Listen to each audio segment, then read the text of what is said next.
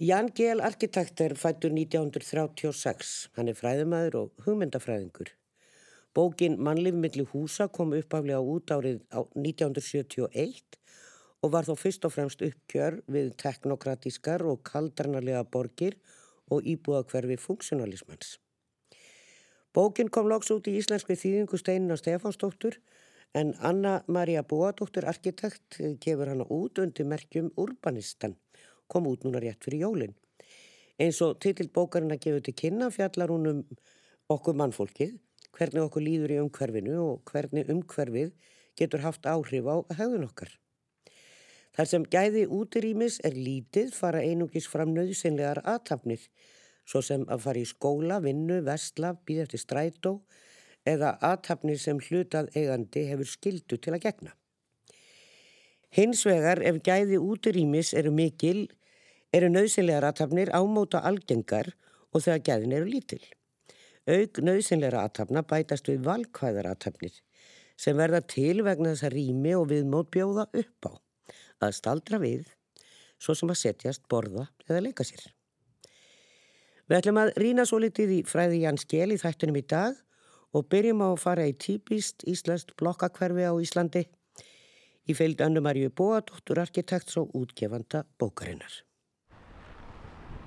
Já, eins og framkom þá ætlum við að fjalla um Jan Gehl, arkitektinn danska sem heimsótt okkur nú hér fyrir skemstu.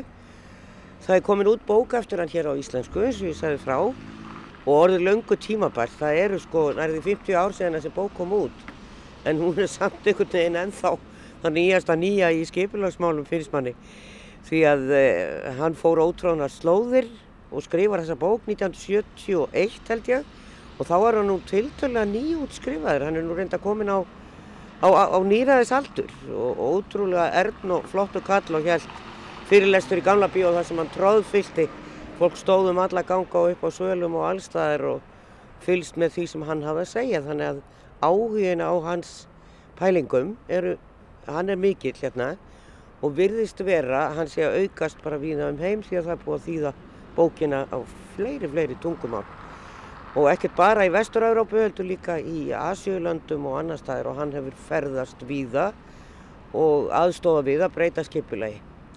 Við ætlum að fara á tvo staði, ég og Anna-Maria og svona tala um tvo ólíka staði þar sem að mannlífi millir húsa er nánast ekkert og svo þar sem það er bara heil mikið. Annað er í Íbúðaböð getur við sagt en hitt er nýri miðbæ. Og við byrjum hérna bara í háalætiskverfinu, við erum við háalætisbrautina við miðbæ. Hér eru þessar típisku íslensku blokkir sem eru byggðar svona upp úr miðri síðustu öld. Og það er standastakar, fjórar og fimm hæðir og allar reyndar íbúið með svölum eh, og síðan eru þessi reysastóru tún við þessar blokkir. Og svo eru raðhúsakverfi og einbillishús hérna niður úr öðrum með við göttuna. En það er ekki gert ráð fyrir miklu mannlífi hérna. Vestlunarkjarnin hér sem er líka svona eitthvað típist sem hafa byggt fólk þurfti að komast í búð og það gæt gengið kannski úr svona næstu blokkum en annars er þetta bara að rekna með bílum hérna. Þetta, sko, mann hefur aldrei þótt þetta hverfi hérna svona aðlaðandi og spennandi. Þetta eru sjálfsagt fínari íbúðir. Eins og við sjáum, þá eru bara bílar hérna, það eru engin á göngu. Strætóferður alltaf hérna, þannig að maður sér einstakar sinnum fólk hér býja til vagnni og það, það gengur í vagnin en, en annars er ekki mikið um gangandi umferð hér. Já, maður heyrir marga og maður þekkir marga sem búa í hálfdískverfinu og eru mjög ánæðið með þetta hverfi þannig ég vil að það já. komi fram. Þannig að það er ekki, það er eitthvað mjög, mjög gott við það og, margar góðar íbúðir og húsnaði sem slikt gott en það er ekki gott út frá þessum sjónarhóli mannlýfsmilli húsa. Eins og við sjáum þetta hér, við sjáum ekki engan á ferli þótt þetta sé miðstöð hverfisins en við sjáum mjög marga bíla bæði sem er á ferð og eins bíla sem eru staðnandir hérna á stæðum þannig að það er gert mjög vel við að góður umbúnaður fyrir bíla eins og þetta hverfi hafi verið hannað meira út frá sjónarhóli bílsins heldur en mannlífsins. En sko hver er hvaðinn samkvæmt Ján Gjell að, að, að menn fara að byggja svona í, í þessum stíl af því þetta er mjög mikil breyting í rauninni frá því sem við gerðum í upphafi síðustu aldar og síðan snar breytist allt þarna eftir stríð. Það er náttúrulega ákveðin sjónamið bæði að hagkvæmni og skilvirkni í borgum sem að verða ráðandi og einni kemur inn nýtt í samgöngutæki sem er bifræðin sem fær mjög stórt hlutverk þannig að forsendurna breytast mjög mikið og það er líka ný aðferðafræði, skiplasfræða að hanna út frá kannski gögnum og áallanum hversu marga á að flytja mellir staða og hversu laungum tíma. Þannig að sjónarhörnir breytist mjög mikið úr því að snúast um heildborgar og það hvernig já, fólk ber sig að og, og, kannski svona nýtt að borgin sé þjóna ákveðinu hlutverki með til, til borgarlífs í það að verða ákveðið svona þjónustutæki. Þannig að maður komist hratt og vel og öruglega millir staða. Auðvitað var það líka hugmyndin um svona, svona heilnæma borg að, og, og þar var sjónarhortnið kannski líka kom frá borgum Evrópu þar sem var spúandi kólareikur og annað mjög heilnæmt og kannski óheilsusamlegur húsakostur og það er hugmyndir komið hinga þannig að hugmyndir var náttúrulega að koma fólki í heilsusamlegt húsnæði og það þurfti að byggja þá á ákveðinu forsendum og lögð mikil áherslu til dæmis á að fá byrtu og loftflæði gegn íbúðir annað en það var ekki hugað að raun og veru félagslegum og samfélagslegum þáttum. Þannig að Ján Geil bendir á þá var kannski þessi svona samneiti og milli fólks, það var svolítið skrifað út úr skipulags áherslunum, skipulags fórsendunum, þannig að þess vegna verða kannski þessi svona skörpu, skörpu breytingar. En svo getur við sagt að eftir að það búið að gera bílnum svona hátt undir höfði þarna var almenningur að eignast bíla almennt á þessum árum og fram að því hafðu það bara verið velefnaðir og læknar og aðri sem að gáttu eignast bíla. Síðan er bílaflótin orðin þar stóra, það er í raunin orðin mjög óheilnæmt loft í kringum þessu hverfi. Já, út af, náttúrulega, þannig að við gefum bílarnir eins og hér, veiturna, að keira á nagladekkjum, þannig að það verður hansi mikil bæði svifriksmengun og svo líka bara útblástur frá, frá bílum og við sjáum náttúrulega alltaf svakalega statistík varðandi þetta í, í Reykjavík sem að manni já, hefur verið þessi heilnæma borg að það eru marg, alltaf margir dagar til dæmis sem að maður bara fólk sem að já, er, er, er lungnaveikt og ég tala ekki um lítil börn sem hafa sofið úti að það, fólk er ráðið frá þessu þannig að það er náttúrulega bara mjög alvarlegt mál Gönguleðitan hér eru með fram götunni Það er reyndar eins og í mörgum svona blokkakverfum í Reykjavík og sjálfsagt víðar þar sem eru blokkir. Það er nokkið margi stóri bæjar á Íslandin, Akureyri kannski og svo alltaf bæjarfjöluðin hér í kring. E, þá er önnu gata fyrir innan það sem, sem er ætluð heimafólkinu að keirin á stæði og það er, það er gert rosalega vel við bílan og mikið pláss sett undir bílastæði. Já, þetta er náttúrulega bæðið mitt já, plássfrekt og þetta er líka eins og við talaðum bara svona mikill kostnaður. Því að hvert eitt bílastæði sem er náttúrulega 2,5 metrar og ef þú leggur þetta saman þetta er náttúrulega bara rosalega mikið af byggingarlandi gætið að veri þannig að þetta er bara mjög dýrt land. Þannig að það er mjög vel gert við bílinn. Það er eins og hann, já þessi er svona óskabarn þjóðarinnar og hugað að þörfum bílsins mun meira heldur en þörfum gangandi fólks í, í, svona, svona hverfum. Hvað voru arkitektar að hugsa það hennur og skipilagsræðingar á þessum árum tiluru? Já, það var það bara þessi praktík? Það er náttúrulega, það var ráðandi sjónarhort að það er hérna, já, þessi skilvirka borg og hagkvæma borg og að koma bílnum hratt og vel og öruglega millir staða. En vissulega er verið að gera líka gott húsnæði, margt hérna er mjög vel hefnað út frá sjónarhortni húsnæðisins ef maður lítur á það sem staka breytu. En það er þetta tenging á milli almannarímisins og síðan byggingana sem að skortir á. Já. að þar er pottur brotinn þannig að það má kannski það hafi ekki verið hugsað út í mannlífið. Að, og, og við hvaða aðstæður mannlíf þrýfst best og það er kannski það sem að Ján Gellíkar leggur út með í, í sinnum rannsóknum og mjög, mjög mikilvægt líka þess að hann talar um að þetta er raun og veru afleðingar af því hvernig við byggjum, það byrtast kannski ekki endla strax, það er ekki fyrir einhver, einhverjum áratugum síðar og, og, og hans margra áratuga rannsóknastarf hefur skilað sér í þekkingu á því hvernig við getum byggt á þann hátt að mannlífið fái blómstrað og hvaða er sem að sko, hvetur til þess að fólk sé á götum úti og að nýti sér e, göngustíga eða sjálfbæra samgöngumáta frekar heldur en bíl.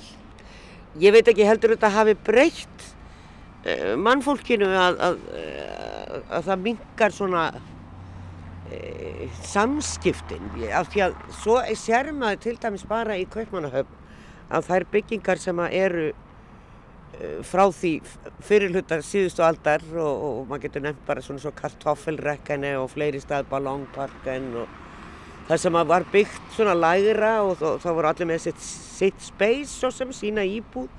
En það er mjög gott aðgengja á milli fólks. E, og þá fyrir maður að hugsa já hefur fólk kannski breyst og vil bara vera prívat og, og, og láta það eiga sig að, að hérna, vera í einhverju samskiptum við einhverja nábúa mist vel hefnaða Já, það er líka alltaf þessi spurning hvað, hvað er það sem að fólk vil og hvað er það sem fólk velur. Við heyrum náttúrulega lengi vel að við höfum valið engabílinn hér í Reykjavík en það var kannski ekkit okkar val og sama hátt má segja að fólk hafi valið að vera eitt en það hafði kannski ekkit val. Ef þú byggir þannig að hérna, það eru kannski yngar aðstæði til þess að hittast eða mætast mm. þá náttúrulega gerir fólk það ekki en ég er ekkit samfarð um það að það sé endilega ósk fólks. Nei. Ég held að flestir að manneskjan við, við, við, hérna, við höfum þörf fyrir það að tengjast öðru fólki. Þannig að ég held að það sé kannski frekar að sína sig að það er skortur á tækifærum til að teng, tengjast og það er mikilvægt að huga því hvernig við byggjum til þess að styrkja og styðja við möguleika eða tækifærum til að tengjast. Svo ég er það okkar náttúrulega að velja ef okkur langar að vera einum og við viljum ekki tengjast öðru þá, þá getum við verið inn í íbúðunum okkar. Já. En almenningsrýmin þau svona þau eru líka þetta svona þessi jafnbræðis grundvöldur að það hafi allir sömu tök og tækifæri á að tengja stöðurum Já. og mér finnst það áhugavert líka í bókinni hvernig rekur þessi svona mismunandi róf eða mismunandi stig tengsla, þetta getur verið allt frá því að verða bara mjög lítil tengsl, bara það að sjá annað fólk þú þarft ekki þetta eiðan einum orðum á aðra en bara það að tengjast gegnum sko, sjónskinn getur haft áhrif og getur gefið okkur eitthvað Já. yfir í það að búa síðan til dýbri og þróaðri nágrannatengsl. En þá er þessi, þetta almannarsrými gegnir alveg gífurlega miklu hlutverki sem raun og veru brunnur tækifæra til að tengjast öðrum. Mm. og að mínumati er þetta ekki okkar val að vilja ekki tengjast öðrum. Við höfum ekkert val, við höfum bara þörf fyrir að tengjast öðrum.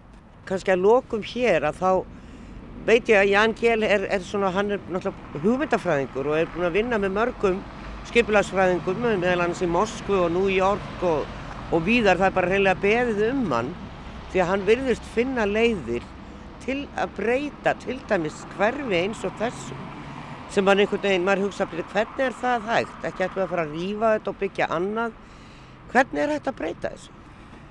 Já það er að þú nefnir þessar hérna dæmi sem hans úr borgum ellendis þá er náttúrulega verið til dæmis að taka yfir bílastæðin e, yfir í það að, að breyta þeim í svæði sem að fólk þrýfst á eða gera þau þannig úr gardi að það sé hægt að mætast þar, að hittast þar, bara góð almenningsrými. Þannig að það er mjög mikið af verkefnum hans og í borgum viðum heim snúast um það, einmitt að snúa þessu við, að endurheimta svæðin sem að bílinn tók yfir. Og mjög víða eru sérstaklega kannski eldri hverfum þar sem voru torg fyrir eins og við höfum dæmi um hér í Reykjavík að voru torg þar sem voru blómasölur og það voru verið að hérna, selja grænmiti og, og fisk á torgumúti en síðan kemur við upp á miða öldina og þá eru þessi raun og verið torg tekin yfir og breytt í bílastæði. Þegar það var raun og verið þörf fyrir nýja innviði fyrir bílinn og, og vinna Jan Gels við um heim hefur snúist um það að endurheimta þessi torg og almannarými aftur af bílnum og til, já, til fólksins, til fólksins mm. En getur við breytt svona Sko nú er til dæmis í mörgum af þessum blokkum þá er ekki einu svona aðgengi út á túnin mm. þeim megin. Það, maður þarf að fara út og hringin í kringum blokkina til þess að komast út á þetta samt alveg bera tún sem að maður svona einhvern veginn fer ekki út með teppi og leggst í sólbaða því að maður er alveg við göduna sumstaðar og, og það er bara einhvern veginn, það er ekki valla trjárhýsla eða maður kannski aðeins í kantinum og þau eru voðalega ber og svona óaðlæðandi. Já, það eru fordæmi og mörg dæmi mitt erlendis frá það sem hafa verið teknar svona blokkar og blokkarkverfi og umbreytt í taktið nýja tíma. Og margir eru til dæmis með eins og í þessum hverfum er þetta mjög gerðan geimslur í svona hálf niðurgröfum kellarum eða jafnvel á fyrstu hæðum. Þannig að besta hæði með til, til tengingarna milli húsnæðisins eða blokkarnar og garðsins hún fer í geimsluna þannig að það mann til dæmis hefur séð dæmi hvernig svona geimslur eru þeim er bara umbreytt og það hefur verið að styrkja tenginguna milli húsnæðisins og garðsins. Það er líka grunn breyta í því hvort að hvort að garðurinn eða útirýmið virkar að það er að það tengslinn milli inni og úti séu mjög fumlaus og góð. Og það væri alveg hægt að gera það í mörgum blokkum og jafnvel taka yfir marga bílskúra örlug margra bílskúra að vera, er að verða geimslur á dýrum svæðum hvort sem það eru bílskúrar og líka geimslur inn í blokkonum þannig að það eru raun og veru bara uh, sóknar færi fyrir fólk til þess að, að, að sækja leiði til þess að, að umbreyta geimslum Já. og geimslurýmum í mannvætni rými og huga þá að tengingunum milli inn og úti. En þannig eru við kannski aftur á móti líka stundum í vandraðum því það er ákveðna kröfur í byggingareglugerðum geimslur sem þurfti líka endur skoða. Og annar þáttur þessi er náttúrulega líka skjól, skjólmyndunin, hvernig þú getur, því þú myndist það áðan, þetta eru svona grasflatir eða halgir tún og oftar en ekki, jú, stundum hefa vaksið skjólbelti í kring en stundum er ekki hugað að þeim og svo er það líka varandi mælikvarðan stundum verður bara þessi, þessi tún alltaf stór og bæði þá erum við að tala um í sumum tilfellum að, að hérna, skilgreina það minni rými innan túnana þannig að það sé svona, því finnist þú vera svona sem tekið utanum hann. já, tekið utanum hann, menn sé standi ekki einn út á túnni þannig að það er ímislegt bæðið varðandi já, hæðirnar sem við erum alltaf ekki fara að breyta hæðanum á húsunum Nei. en það er mjög margt varðandi kannski varðandi mælikvarðan og hann vinnist einmitt á það í sinni bóka það er raun og veru í sko smáatræðan það er alltaf þar í smáatræðan við horfum hérna á bekk fyrir, hérna, fyrir framann okkur. Það er sko smáatræðan það er þar sem að ræðst það hvort að, hvort að rýmið á eftir að virka eða ekki. En við skulum færa okkur á nýri bæ, nýri miðbæri ekki að ykkur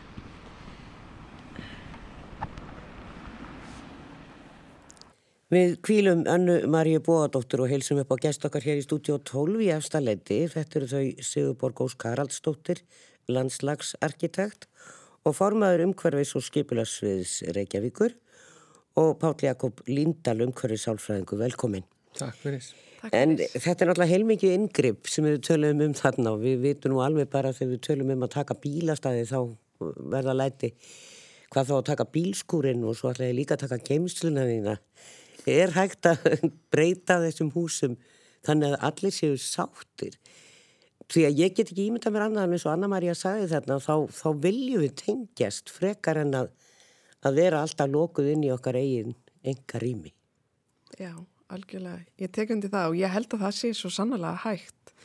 Því að það sem að, að til dæmis er verið að skoða bara í þessum tölu orðum hjá Reykjavíkuborg er svo kallar hverfi skipulag þar sem við verum að skoða hvert hverfi fyrir sig í borginni og, og hvernig er þetta að vinna með þau og gera þau sjálfbærjari í anda Jan Gehl og þá er einmitt verið að skoða þessa bílskúra og það er sjálfsög íbúanir sem að eiga bílskúruna. Þannig að ef að þeim, þið, þeim fengju heimil til þess að breyta þeim í íbúðir þá er það náttúrulega íbúanir sem ættu þá er íbúðir áfram skiljur þannig að sko, verðmættin fara til þeirra sem þar búa.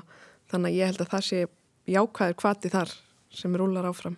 Já, við sjáum reyndar í mörgum hverfum þar sem er neðstu hæðir til dæmis bara við miklu bröðun ána þar sem að húsin eru alveg upp fyrir götu líka, reyndar með þess að axturskötu og stæði fyrir framann, svona sérstaka, að hinum eigin við húsin sem að snúa í söður að þar, þar er búið að breyta mörgum húsum þannig að það er útgangu beint út í garð, ekki bara af íbúðanum á hæðanum fyrir ofan, þess að maður ofta aðgengi af svölum. Já, já.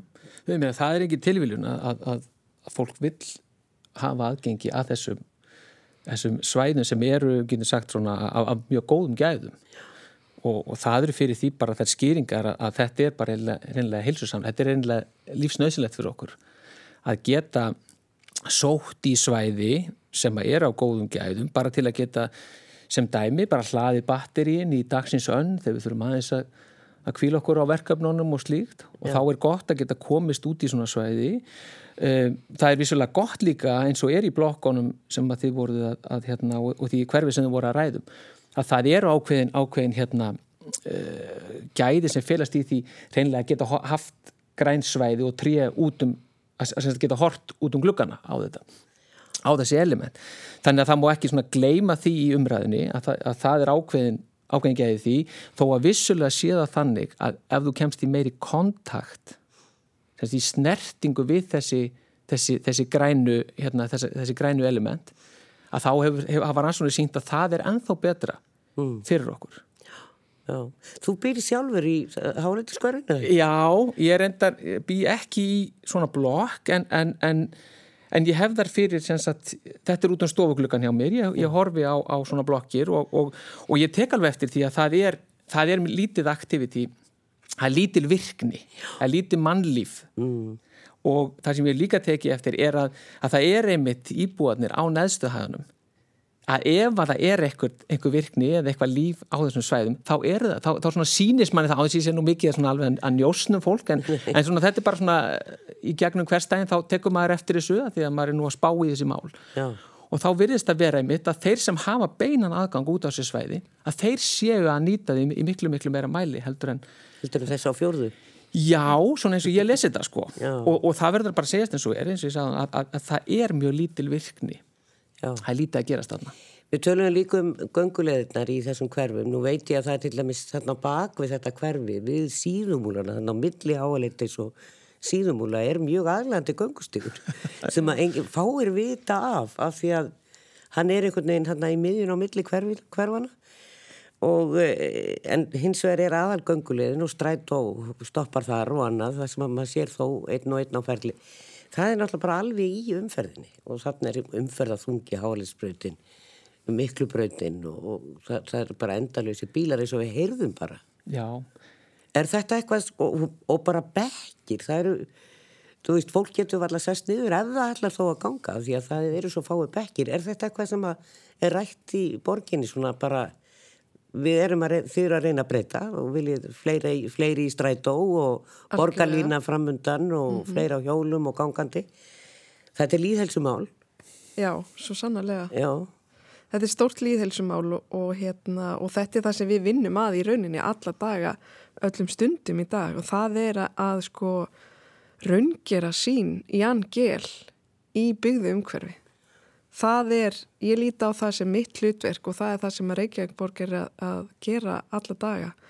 Og það sem er svo stert verkvari sem ég nefndi hérna aðun sem er hverfaskipulæð og hérna kannski er ekki alveg nóg þekkt því að við það er raunin eitthvað sem er í vinslu akkurat núna og, og það er búið að klára hverjarskipula fyrir árbæin mikla gleði fréttir og það var samþygt núna í desember. og þar er einmitt verið að vinna með sjálfbarni hverfana og fá íbúna með okkur til þess að sjá sko hvað, hvað er best þættinir í hverfinu og hvað er það sem þarf að laga og þá er það akkurat þessi lutir að með því að ganga, með því að hjóla og vera í hverfinu þá veistu og finnuru hvað er að og hvað er hvað er það sem ætti helst að laga Já.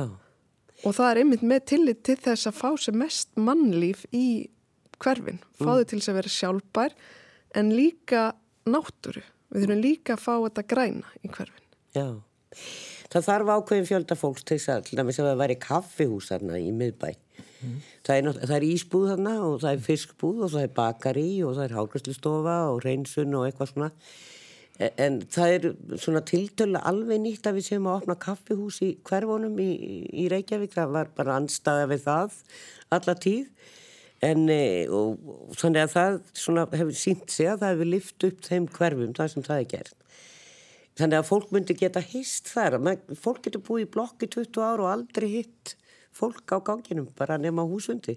Já, það, það, það, það er svona hinn hin, hin sorglega starrend málsins. Já að, að fólk getur búið í námynda hvort við annað og að hafa fætist aldrei bara hist sko eða, eða skipst á orðum sko en, en það, þetta snýstöð um það að skapa einhvers konar segla skapa einhvers konar aðstæður þar sem fólk einmitt sér ástöðu til þess að fara út og dvelja utan dýra það, það er einhvern veginn, sko hvernig gerum við það?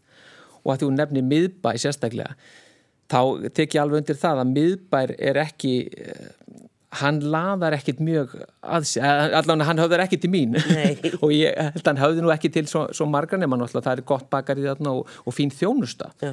en það er, er ekki staður sem maður myndi kjósa að dvelja á held ég undir neinum kringumstæðin svona án þess að maður raunverulega þyrti að vera þar. Og það er bara einfallega vegna þess að það er bara ekkert aðlandi sem, sem fer þarna fram Það er eitt bekkur við ísbúðina. Það er eitt bekkur við ísbúðina. Já, svolítið stór og, hérna, og svo er þetta bara bílastæðin alltaf. Já. Þannig að þú getur lagt bílum og hlaupin og keftir ís og fara út í bíl. En e, það er allt annað upp á tenningum nýri miðbæri ekki eftir og, og, og það er náttúrulega blómlegt líf þar núna með alla þessa ferðamenn alla tíð þannig að það er alltaf fólk í miðbænum sem er hvart undan því að það séu engir íslendingar en ég held að það séu nú enga veginn rétt. Við skulum fara aftur á stað með Annu Marju Bóadóttur. Já, þá erum við komin nýri miðbæ Reykjavíkur og kemur kannski ekki öllum á óvart að við komum okkur fyrir hér á Östuvelli. En e, Östuvellur hefur svona verið samkómustafið fólksins í borginni bara frá upphafi eiginlega, þó að rollurnar hafi kannski haft mesta plásið hérna í upphafi. En hér var fólk á skautum og hér var lúðrasveitir og það var prómunerað hér í kringum völlin. Hann hefur haldið áfram, Östuvellurinn, að vera samkómustafið fólksins í borginni og veitingastöðunum fjölgar og hér er setið út í góðu veðri eiginlega allan ásins hring. Það er kannski einna helst í suðaustanáttunni sem er í dag sem er ekki logn á austuvelli. En við býðum eftir því að í gamla landsímahúsið komi bara fleiri staðir og þá ætti að vera logn úr öllum áttum og ætti að setjast hérna niður. En þetta er einhvern veginn samt alveg óvart því að þetta er ekki skipulagt sem slíkt. Þetta var svona, já, eina torkið kannski í bænum, strætól var náttúrulega hérna út á Lækjatorki og en þetta var eiginlega bara eina torkið þannig að þegar fólk þurfti að koma saman þá var það hér. Já, bæði skipulegt eða ekki skipulegt. Og einhvern veginn hefur þetta kannski líka verið svona líkil byggingar, bæðið með náttúrulega domkirkju og, og alþingishús og svo rísi náttúrulega hérna við póstustrættir mjög reysulega byggingar sem voru taksins tíma, alveg ný, ný framtíð fyrir eh, borgar samhengið og, og, og söguna þannig að ég held að þetta sé svona röð ekki, ekki bara tilvílina það hefur líka verið einhver hugsun á baki en samt sem áður líka svona einhvern veginn já nálat líka tjörninni og það skiptir líka svo miklu máli með svona torg og svona almannarími það er ekki bara torgið sjálf heldur líka gödurna sem líka að torginu. Þær þurfa að virka og hérna vera með virka starfsemi þannig að það er þessar svona já, í hvaða átt liggur torkið og það séu mitt margar áttir og margar leiðir inn á og af torkinni sem skiptir ekki síður máli heldur en torkar reyturinn sjálfur. Það er náttúrulega verið að byggja eh, hér og eins og allir vita verið að byggja enn eitt hóteli þarna við landsýmahúsið e, og hafa staðið mikill styrum það en fólk vil fá að halda í þetta tork sem er þó svolítið fyndið að Sigurður Guðmundsson arkitekt sem var uppi um 1930 hann taldi þetta erði bílastæði fljótlega því að þá eru bílarnir rétt að byrja að koma. Já, það voru náttúrulega bara flest torgin í miðborginni sem að urðu bara bílunum að bráð Já.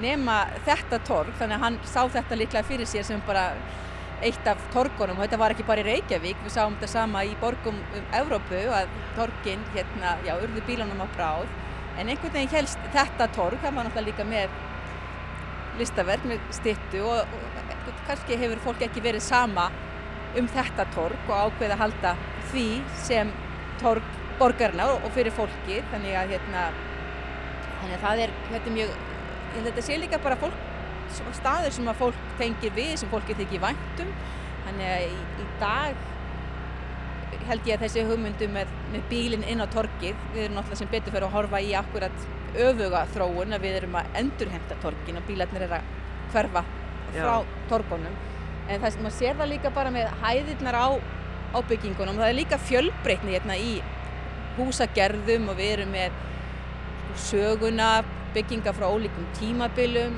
mikið að gróðri hérna og það að þú ert með líka ólíka starfsemi í byggingunum hefur líka mikið að segja. Það er ólíkt fólk sem mætist og þetta eru bæði stopnarnir sem eru virkar á dægin, skrifstofur og svo ertu með veitingastaði sem eru virkir á öllum tíma sólarhengsins þannig að það er líka mikið líkill að svona mannlífi torka að, að tryggja starfsemi kringum það að hún sé raun og verið yfir langan tíma, ekki bara 9-5 heldur raun og verið yfir allan sólarhengi og það er á, svo sannlega að segja um Östuföll að hér er aldrei döð stund alveg nánast hvenar sólarhengin sem þú kemur, það er alltaf eitthvað að gerast hér. En að því við erum nú hérna í nálaðu Östustrætið og, og, og, og það sem að einn pínlítil bútur er göngugata og það er nú, lög, lögaveginum er nú lokað á sömurinn og og það er náttúrulega kemur líka til að því að það er fjöldi ferðamann og það er reynilega bara ekki pláss á gangstéttanum fyrir alla þessa gangandi vegfærandur í borginni ef að bílarnir væri það líka.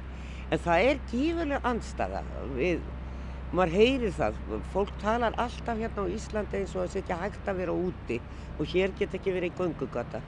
Þú er nú búið bæði í Kaupmannahöfn og New York og og þar eru göngugötur og strykið var gert að göngugötu smám saman frá 1962 er ekki rétt hjá mig? Jú, það er rétt. Og það var anstæða þá og maður svona bara getur ekki hugsað sér strykið með bílum og þetta er það langt síðan. Það verður líka kallt í köpen og í New York sko. Það kemur snjór og það kemur rók og það er rigning og allavega veður. Þessi anstæða hér, er hún, eru við meiri bílistar en aðrar þjóður? Nei, svo, svo ég vitni nú í Jangerinn Stjálfan sem hefur náttúrulega verið ráðgjafi í fleiri fjölda borgum allan heim þá segist hann mæta þessari anstöðu allstæðar. Þannig ég held að það sé kannski meiri bílismi en ég held að þessi svona andstæða sé ekki einhver nýlunda eða sérstakt hvað varðar Reykjavík. Hún er alltaf fyrir hendi, fólk trúur ekki á, á breytingar og talar alltaf um þetta svona einstaka samhengi á sínum stað. Og hér höfum við náttúrulega talað um það að við séum með svo ríkan og sterkan bílakúltur að við getum ekki breytið sem við séum með svo ómúlegt veður og svo framvegis. En dæmin erlendist frá sína og sanna að það er alveg óháð veðri, óháð vindum og óháð styrkleika bílamenningar að það er hægt að breyta og það er hægt að umbreyta. En, en kannski er þessi svona anstaða eða, eða viðbrag bara eitthvað, eitthvað mannlegt, eitthvað sem við verðum bara að komast yfir og, og við sjáum það til dæmis hérna bara við Austuföld líka, þetta er líka bara að það er að sína oft sko, möguleikana, að sína byrja á smáum skrefum og sína hvað er hægt með ja. góðum fordæmum. Hér voru náttúrulega bara það sem við stöndum núna við Austuföllin e, ruslakistur og þetta var einhvern svona bakgangar veitingastafana þannig að það var ekkert hugulegt að standa hér kannski fyrir 20 árum. Nei. Að það þurfti náttúrulega bara að sína mögulegan. Hér gæti þrifist út í kaffehús og, og, og það hefur nú aldrei sínt sig hér á sólríkum dögum hvað hér er þjætt setin bekkurinn og auðvitað getur þetta verið víðar heldur en við Austruföll við laugaveg og og annar staðar en það er heldur ekkert allt fengið með að breyta öllu í göngugutu það er náttúrulega skilgrina hvaða svæði virka, hvað er skjólgott hvað er bara er nógu mikil starfsemi sem berða og, og annað slíkt. Og stundum það líka bara stíga halvt skrif tilbaka. Ef eitthvað virkar ekki þá er bara eitthvað sem að hérna má endur hugsa en það er samt búið að vera náttúrulega austur, austur strætið og laugavegurinn búin að vera svona smám saman að hérna að virkjast í, í litlum skrefum, að umbreytast í, í göngugötu og samkvæmt könnunum þá er meiri hluti ánað með þessa, með þessa þróun Já. en ekki allir sáttir og líklega verður, verður það mögulega aldrei. Ég held að það er náttúrulega bara þróun borga og borgir og skipil og það eru aldrei allir 100% sáttir. Og þetta er alltaf spurning um eitthvað. Kompromí eða, eða mætast á einhverjum einhverjum stað þar sem allir geta samt sem að unnað við sitt og, og huga það þá fjöldanum hvernig getur við sem flestir verið, verið sáttir? Ná, og svo er þetta líka bara spurningum um líðhelsu og að okkur líði vel og hérna, að fólk geti hýst og mæst. Og hugmyndafræði Jans Gél varðandi það að fólk mætist, það er náttúrulega miklar umbreytingar hvaða fólk er á ferli í, í miðborginni með auknum flæði ferðamanna. Að þessi möguleikar að hitta fólk út á götu og sem gæti, það var einhver sam, upphafa einhverju samskiptum sem gæti mögulega orðið að einhverju meira en í mörgum tilfellum höfum við ekki þann möguleikar því við hittum ferðamennina kannski bara einu sinni. Já. Þannig að það eru aðrar breytur, ekki þar með sagt að þetta sé eitthvað ómögulega en við þurfum kannski bara að huga að því að, að það er ekki endilega nágrannar sem er að hittast í, í miðbænum heldur Já, heldur Já. fólk á ólíku bergu broti þannig að það spretta upp aðrar sögur og verður annað samhengi þannig að við þurfum bara að, að vinna með það, nýtt samhengi fyrir, fyrir ný, nýja framtíð borgarinnar. kannski svona einn pæling í sambandi við göngugötur. Við erum hérna á hellulegu eh, gangstétt og hér er gott að setja út stóla og borð mm -hmm. og mhm. tala um göm þegar norðanátt í Reykjavík, þá er hér bara algjör pottur e, og sólinn skín, þá er það bara mjög, maður getur settið hér í fimmstega hýta og það er samt lít.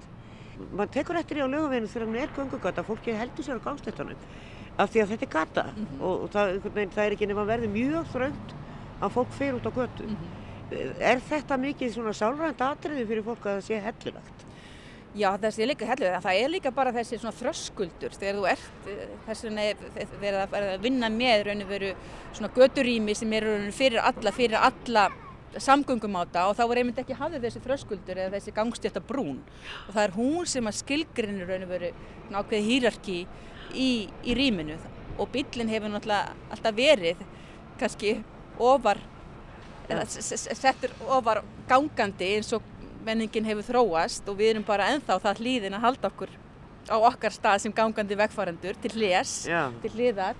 Og uh, þannig að það er náttúrulega eitt, eitt af, tækjunum, það er raun og verið að gera götu yfirborðið í, í eina hæð. Það breytir þessu strax og þá ert ekki lengur með þennan aðskinnað milli þess sem á að fara í, í miðjuna bílinn og þeirra sem ganga á gangbrutinni og mér finnst alltaf svolítið áhugavert að huga um sko, hugað laugaveginum þegar hann átti náttúrulega að verða fjögur að agreina að við sjáum teikningar frá kringur 1950 og við sjáum eins og kjör, kjörgarur, hann er svona indregin við laugavegin, já það voru fleiri agreina fyrir bílana og það er auðvitað verið að teikna þannig að gangstéttarnar eru farnar og fólkið er komið inn í húsin að því að gödurna voru fyrir bíla ekki fyrir fólk. Já. Það var náttúrulega þessi hugmyndafræði miðbygg síðustu aldar Já. og það er ofta áhugavert að sjá einmitt skoða svona gamlar tekningar, þetta varð ekki raunin og við erum ekki með allan laugaveginn svona indregin eins og þarna var Nei. en þetta hafa verið svo rosalega drastískar hugmyndir um umbreytingar og, og, og þessi hugmynd að fólk sé, að, að gödurnar séu fyrir bíla og ekki fólk Já. er sterk og drastísk hugmynd en við erum núna að vinna með akkurat öfugt að götur eru fyrir fólk. Og þess má geta náttúrulega líka veitingarstæðinni fengi meirja pláss fyrir sína, sín borð og stóla og, og þá var þetta að setja út svona skegni og, og hýtalampa og allt það til þess að þessi notalega sitja þegar kallt er í veðri. Við erum að fá Jan Gerð til Íslands og byrja hann að hjálpa okkur. Hann virðist þá að geta gert ímislegt á mjög stöttum tíma eins og samanberu í Moskvu sem hann var að segja okkur frá á þessum fyrirlestri. Já, algjörlega. Hann var án Eva tilbúin að koma hérna og hann hefur raun og verið komið hérna sem ráðgjafi unni bæði fyrir Bertaka og líka fyrir Reykjavíkuborg. Hann var hérna síðast fyrir hrun og sagði að þau verkefni þau hætti mjög snöglega á einni nóttu. Hérna, en ég held líka, það er frábært að fá Jan Gehl en við erum líka bara með mjög marga færa arkitekta og borgarhönnuði og landslagsarkitekta sem eru full færir um að, hérna, að nýta sér kenningar grunn hans Já. og vinna með bæði skiplarsýðuvöldum og uppbyggingar aðlum að, í því að hérna, ebla mannlífi millir húsa hérna í Reykjavík Já. og ég vil líka tala um að þetta snýst ekki bara um miðborgir eða Reykjavík, þetta er við erum náttúrulega með þjættbíli um allt land og þessi hugmyndum mannlífi millir húsa og ekkert síður við það sem er færra fólk. E, það þarf ekki að vera einhver höfuborg eða stórborg. Þetta eru svona bara grundvallar atriði um það hvernig þú býr til. Góður ími í kringum samneiti og samskipti millir fólks og hvernig býru til slíka umgjörð. Og það á ekkert síðu við á, á Ísafyrði eða Akureyri eða Viki Mýrta, Egilstöðum heldur en í Reykjavík sagði Anna-Maria Bóðadóttur og við hverjum hann í dag. Já og það er blómstra mannlíf svo sem í miðbænum en, e, og það gerir það náttúrulega viðar á landinu. En við erum náttúrulega byggja ansimörg hótel, það er rosalega margt að gerast í Reykjavík rætt, rosalega mikið af veslunarími sem að náttúrulega getur orðið veitingastöður en það er líka ofsalega mikið af veitingastöðum. Hafið yfir sín?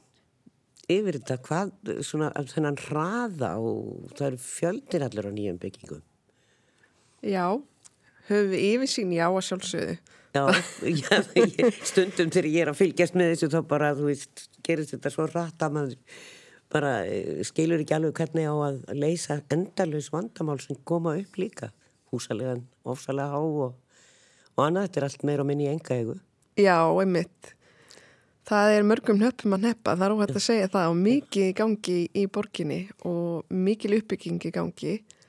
Uh, það er verið að byggja mikið að íbúðarhúsnaði, um, aldrei verið jafn mikið að íbúðarhúsnaði í uppbyggingu. Á sama tíma og sjálfsög er verið að byggja hótelin sem betur fyrir hefur nú hægst á þeirri uppbyggingu og þeirri, þeirri þróun. Þannig að það er aðeins, að, að, hérna, aðeins á niðurleið en með íbúða uppbyggingunni er líka einmitt að byggjast upp þessi verslunar og þjónustu uh, húsnaði mikið á jarðhæð sem geta orði veitingastadir en, en, en líka í raun og veru í sumun tilfellum bara svona lifandi skrifstórými og svo framvegi sko.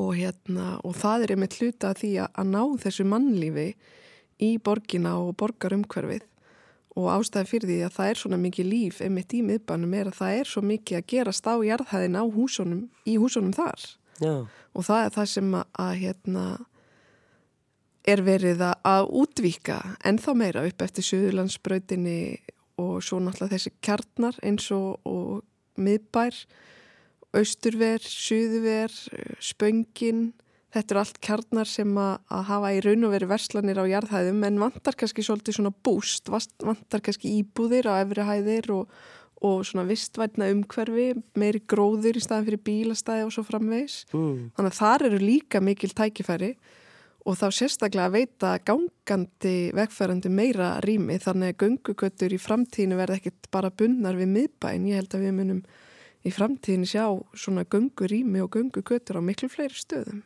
Já, þau setja hérna hjá mér Sigurborg Ósk Haraldsdóttir formaður umhverfisráðs borgarinnar og skipilásráðs og er landslagsarkitekt og Páll Jókob Líndal umhverfissálfræðingur.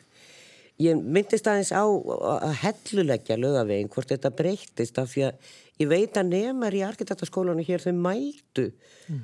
og töldur reynlega hversu margir væri á gangstéttinu og hversu margir fær út á götu þegar lögavegurinn er göngugata þannig að uh, ég fór svona að hugsa um það er þetta eitthvað sálrænt aðrið þú ferð bara ekkit út á göttuna af því að þó að þetta sé gangugata uh, virkar þetta þannig á okkur? Við þurfum að hafa bara gangstéttarhellir til þess að, til þess að fara eftir þessu. Ég hugsa að það sé já vissulega, er það eitt þáttur. Já. það geta nú verið fleiri þættir samt sem spila það inn í sko. Já. og þetta er svona uh, ég minna Gél talar auðvitað reynslu þegar hann er að vísa á eða sem bendir á þetta tiltekna atriði. Og það er auðvist að það, það skiptir máli. En eins og ég segi, það geta verið fleiri fleiri þættir sem þarna spila inni. Maður getur hugsað til dæmis um það sjálfur sem reikvikingur er þetta vani? Um, getur það verið að, að, hérna, að uh, húsin drægi okkur að sér að við leitum sagt, skjóls meðal húsveikjan Þa, það, það er til dæmis eitt atrið sem er sterti í hérna hjá manneskunni, það er það við viljum helst ekkert vera til sínis Nei. nema við sem sérstaklega leitast eftir því.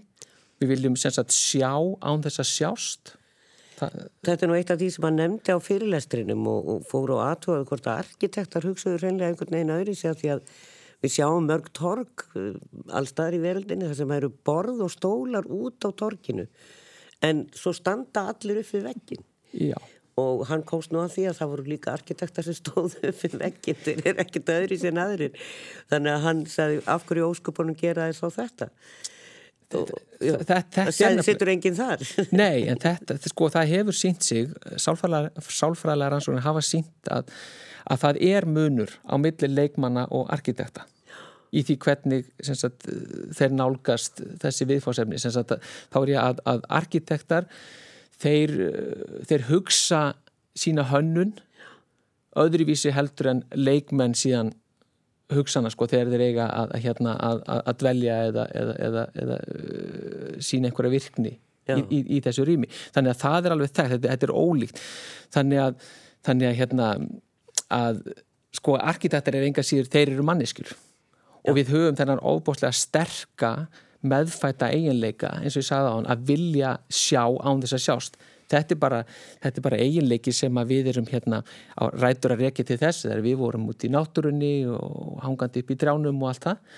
Og, og hérna og þar að leiðandi sko þurfum við í okkar hönnun að taka mið af þessu því að þetta er harðvýrað í okkur. Það er svona þýðir ekkert að setja bekk út á mitt torg þó að geta verið smart.